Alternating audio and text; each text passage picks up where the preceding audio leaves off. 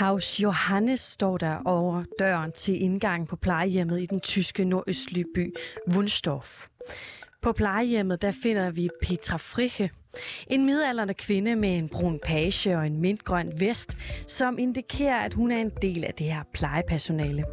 Petra hun er ret glad for sin arbejdsplads. Især hvis hun tænker på sine tidligere arbejdspladser. Andre plejehjem, hvor manglen på kollegaer har betydet, at medarbejderne de er brændt ud. Ich habe das in anderen Einrichtungen erlebt, dass Mitarbeiter ausbrennen. Und wir müssen hier ganz doll aufpassen, dass uns das hier nicht passiert. Und das wird uns nicht passieren, aber ich fordere die Politik auf, da Løsningen zu finden. Så hendes kollegaer, de er altså brændt ud. Tager vi et andet sted hen, så finder vi Mathias Konrad, der i 11 år har arbejdet som intensiv sygeplejerske i Braunschweig. Et arbejde, som han i starten var ret glad for, men som nu har fået ham og kollegaerne til at være opgivende. Die äh, Arbeitsbelastungen in den Kliniken ist so hoch, dass man eigentlich äh, dass man eigentlich das gar nicht mehr schaffen kann. Ja, man kan altså ikke gøre mere, fordi arbejdsbelastningen er så stor, fortæller Mathias Konrad. Og de her to tyskere, som du lige har mødt, de taler altså ind i en ret kedelig tendens. Fordi imens den ældste gruppe af tyskere, den bliver større og større, så bliver der altså færre på arbejdsmarkedet. Og det betyder, at Tyskland i dag mangler arbejdskraft. Et problem, som kun ser ud til at stige i fremtiden. Men det stopper altså ikke her, fordi Tyskland er ikke det eneste land, der lige nu spejder langt efter medarbejdere. De europæiske lande begynder nemlig at kunne se en vej ud af coronakrisen, og de her øh, famøse økonomiske hjul, de er for alvor begyndt at trille igen. Rent faktisk så går det så godt, at både virksomheder og også de offentlige systemer i europæiske lande, de mangler arbejdskraft. Også herhjemme i Danmark, der mangler vi medarbejdere.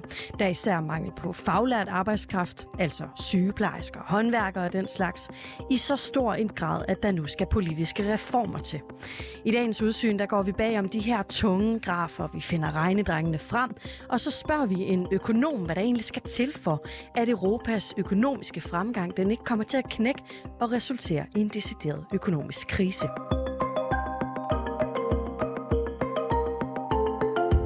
Det her er Udsyn med Sofie Ørts.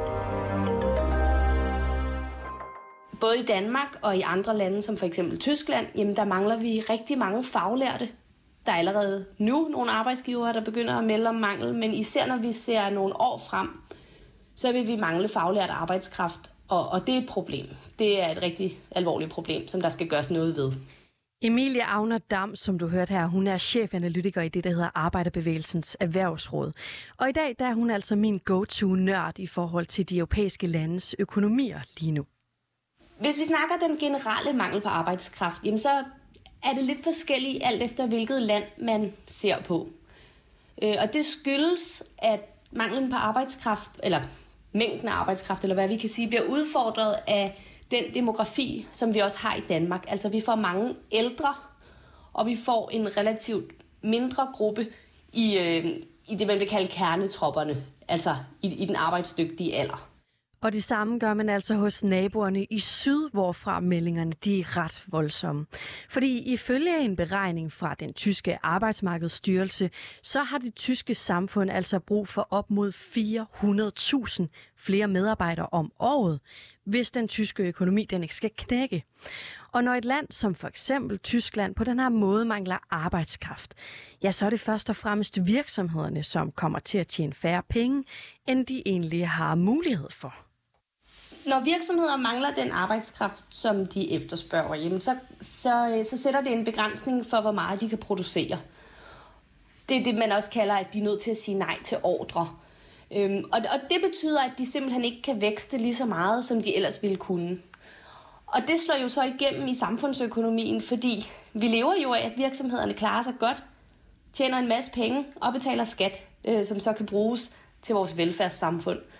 Så hvis virksomhederne bliver begrænset, fordi de ikke har adgang til faglært arbejdskraft, jamen så vil det sådan set smitte af på hele samfundsøkonomien, og i sidste ende på vores velfærd. Og den her tyske mangel på arbejdskraft lige nu, den minder faktisk ret meget om det, som vi også mangler her i Danmark.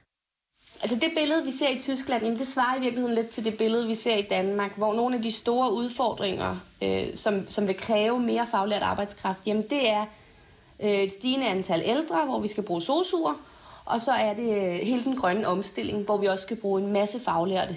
Det er for eksempel VVS'ere og elektrikere. Og når man så mangler det her faglært arbejdskraft, ja, så kan man altså som samfund gå flere veje. Man kan for eksempel forsøge at uddanne flere unge, som står uden en uddannelse, eller man kan videreuddanne voksne, som allerede har et arbejde. Det er det, man kalder for opkvalificering. Så kan man også øh, indhente øh, arbejdskraft fra andre lande med de rette kompetencer, og det, det er der i hvert fald en del snak om i Tyskland, om hvor meget man skal gøre det. Øhm, problemet er, at det kan alle lande jo ikke gøre, fordi hvor er det så, vi skal hente den udenlandske arbejdskraft fra? Så derfor så tror jeg ikke, at det er den rette løsning, og det er i hvert fald ikke muligt for alle lande at, øh, at løse manglen på faglært arbejdskraft ved at indhente mere udenlandsk arbejdskraft. Så for lige at opsummere, Emilie, hvad tænker du egentlig om det her forslag, som tyskerne har øh, lige nu, hvor de jo foreslår at hive udenlandsk arbejdskraft ind til at dække hullerne i samfundet? jeg vil sige, hvis man kan løse nogen af ubalanceproblemerne ved at indhente øh, udenlandsk arbejdskraft, så er det fint. Man skal bare huske, at vi har en mangel øh, på faglært arbejdskraft, men vi har også et overskud af ufaglært arbejdskraft. Så jeg synes, det er en bedre løsning, at man investerer i de ufaglærte øh, og giver dem noget uddannelse, sådan så de kan løse ubalancen. For ellers løser man kun, kan man sige, den ene halvdel af den ubalance, der er på arbejdsmarkedet. Altså man får kun løst manglen, men man får ikke løst overskuddet. Og her kommer vi altså igen ind på et af nøgleordene i den her snak, nemlig uddannelse. Vi forventer altså den her mangel på faglært arbejdskraft også i 2030. Og der har vi jo ni år at gøre godt med. Det vil sige, der kan vi altså nå at uddanne ret mange unge. Øhm, derudover så kan vi også opkvalificere nogle af de lidt ældre ufaglærte, der allerede er på arbejdsmarkedet. Emilie, i Tyskland der siger man, at man kommer til at mangle op til 400.000 medarbejdere årligt, hvis det fortsætter som nu. Hvor stort er det tal egentlig, hvis vi forsøger at omregne det til danske forhold? Jamen, vi har i Arbejderbevægelsens Erhvervsråd lavet en prognose for manglen på arbejdskraft, eller i virkeligheden for balancen på arbejdsmarkedet i 2030. Og der forudser vi, at vi kommer til at mangle omkring 100.000 faglærte øhm, i, i 2030. Og med dit øh, økonomiske øh, blik, hvordan tolker du så egentlig det her tal? Jamen, jeg synes, det, jeg synes, det er alvorligt. Øh, samtidig så forventer vi, at vi har et overskud af ufaglært arbejdskraft. Øh, og, og de to ting, jamen, der, der vil jeg ønske, at, at vi var bedre til at opkvalificere den ufaglærte arbejdskraft, vi har. Men desværre så har vi haft alt for få unge, der har valgt en erhvervsfaglig uddannelse igennem mange år efterhånden. Øhm, og, og det har været rigtig svært at løse det politisk. Øhm, det her med at få flere unge til at vælge en faglært uddannelse. Fordi det er sådan set ikke en nyhed, at vi kommer til at mangle faglært arbejdskraft. Men jeg vil så sige, at jeg oplever, at der nu er en sådan ret bred politisk villighed til, at, at vi skal løse det her problem. Der er desuden behov for mere faglært arbejdskraft, som du måske kan fornemme, så har jeg nu taget dig med til pressemøde i statsministeriets spejlsal den 7. september. Her der kommer regeringen nemlig ind på sit bud på, hvad der egentlig kan være med til at få flere danskere i arbejde, så vi netop ikke kommer til at mangle de her mange tusind medarbejdere.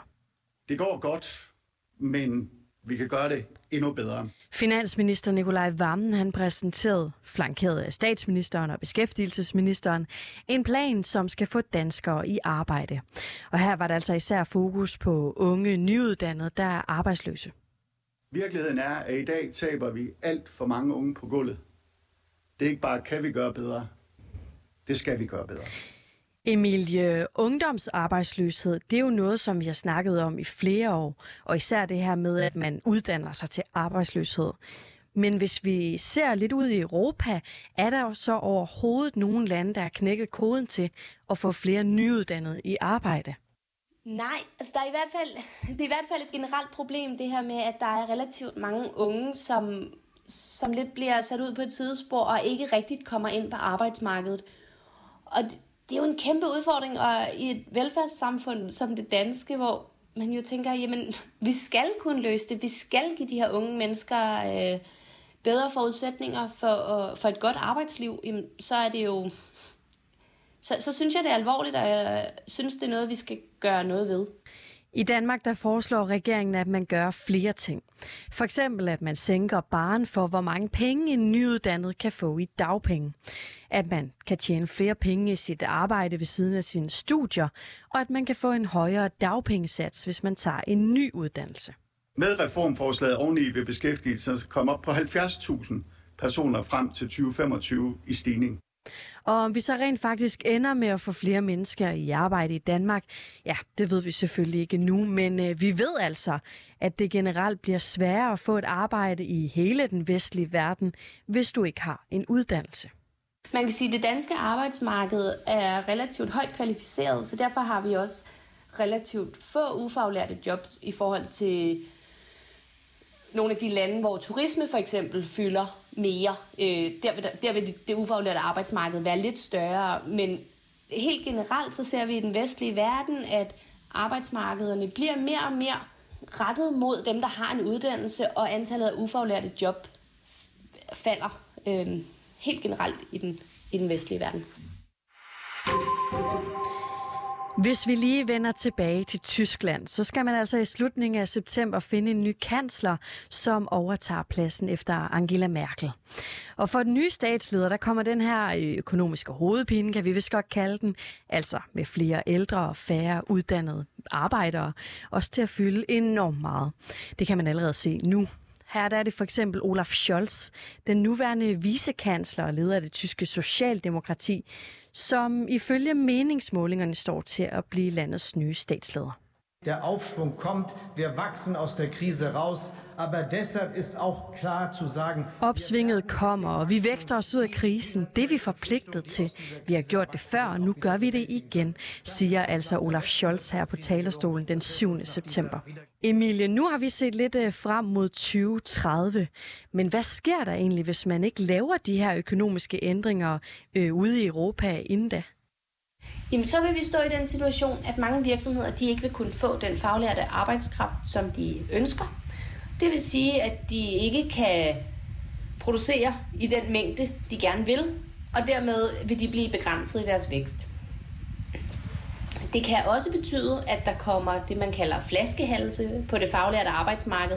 Altså fordi der simpelthen er mangel på faglært arbejdskraft, jamen så bliver der så meget rift om dem, at der også kommer et, øh, et opadgående lønpres, altså lønnen for de faglærte vil stige. Og det betyder, at nogle virksomheder simpelthen ikke har råd til at ansætte faglærte, og derved vil lukke ned. Så produktiviteten og produktionen i Danmark og i andre lande i Europa vil simpelthen falde, hvis ikke vi formår at skaffe den, øh, den faglærte arbejdskraft, der er brug for. Men jeg kan ikke lade være med at tænke på, Emilie, at øh, her i Danmark, der har vi jo et velfærdssystem, og vi har et økonomisk sikkerhedsnet, blandt andet i form af dagpenge, hvis vi mister vores arbejde. Men den slags har man jo ikke overalt. Altså, hvordan kan det her komme til at påvirke lande uden den her form for økonomiske sikkerhed? Der vil det jo ramme hårdere, hvis man som ufaglært øh, ikke kan få et arbejde og dermed skal være arbejdsløs. I Danmark der har vi stadigvæk et relativt godt sikkerhedsnet, men det er blevet mere løstmasket, hvis man kan sige sådan, de senere år. Øh, og der er blevet sparet på sikkerhedsnettet. Så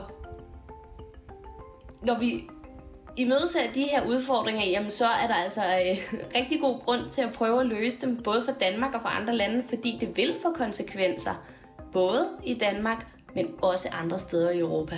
Det er helt sikkert.